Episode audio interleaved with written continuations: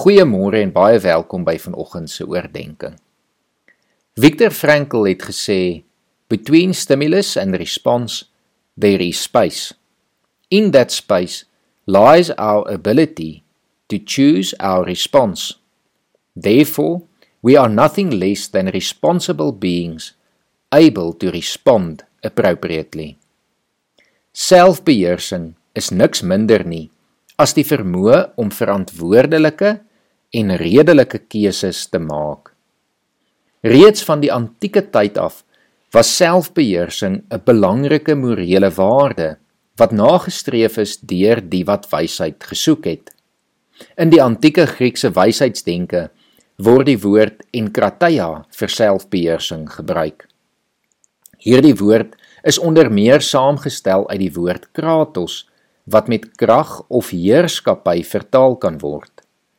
Hiervolgens is dit duidelik dat selfbeheersing die krag of vermoë behels om heerskappy of beheer oor iets te kan uitoefen. Iemand wat innerlike krag besit, het dus die vermoë om standvastig te staan wanneer 'n ongesonde krag sy vermoë oor jou wil uitoefen. Indien mens terugdink aan jou lewe, aan tye waar jy selfbeheersing verloor het, is mens die meeste van die kere spyt daaroor. Die vrug van min selfbeheersing lewer meer as dikwels suurvrugte op, terwyl selfbeheersing se vrug wysheid en heelheid is. By die werk en by die huis kan ons dus kies hoe ons gaan reageer wanneer ons kwaad word wilskinder of op een of ander wyse negatief verlei wil word. Selfbeheersing as innerlike krag en kompaswyser van wysheidsoekers gaan jou help om die regte reaksie te gee. Die gevolg daarvan is dat jou kollegas, personeel, meerderes en minderes met tyd respek, vertroue en omgee vir jou sal ontwikkel omdat jy in verskillende kontekste gewys het dat selfbeheersing en wysheid deel van jou mondering is. Die innerlike krag van selfbeheersing bemagtig nie net jouself nie, maar bemagtig ook ander. Negatiewe energie smeer maklik af aan ander, maar so ook positiewe energie. Ons ken almal mense by wie ons ware wysheid en selfbeheersing aanskou het en dit het ons geïnspireer. Net so kan jy iemand wees wat ander inspireer. In 2 Petrus 1 vanaf vers 3 tot 11 lees ons 'n kosbare teks. Ek lees vanoggend die nuwe vertaling. Sy goddelike krag het ons alles geskenk wat ons nodig het om te lewe en om hom te dien. Dit kom deurdat ons hom ken wat ons geroep het deur sy heerlikheid en mag.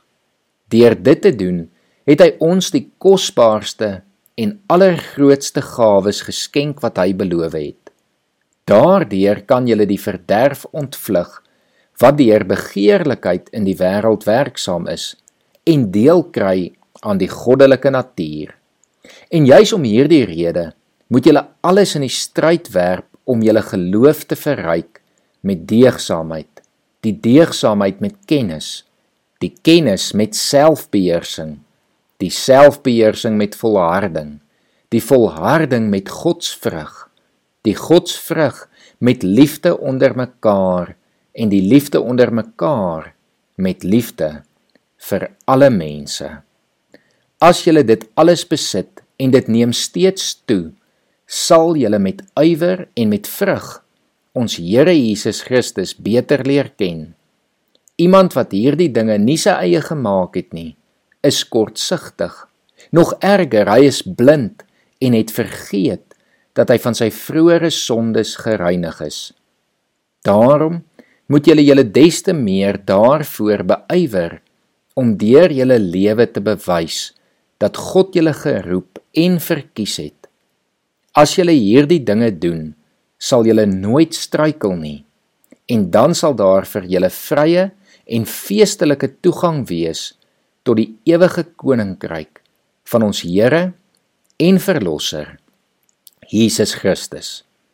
Mag ons nuwe harte kry wat klop met die energie en die krag van wysheid, godsvrug en selfbeheersing.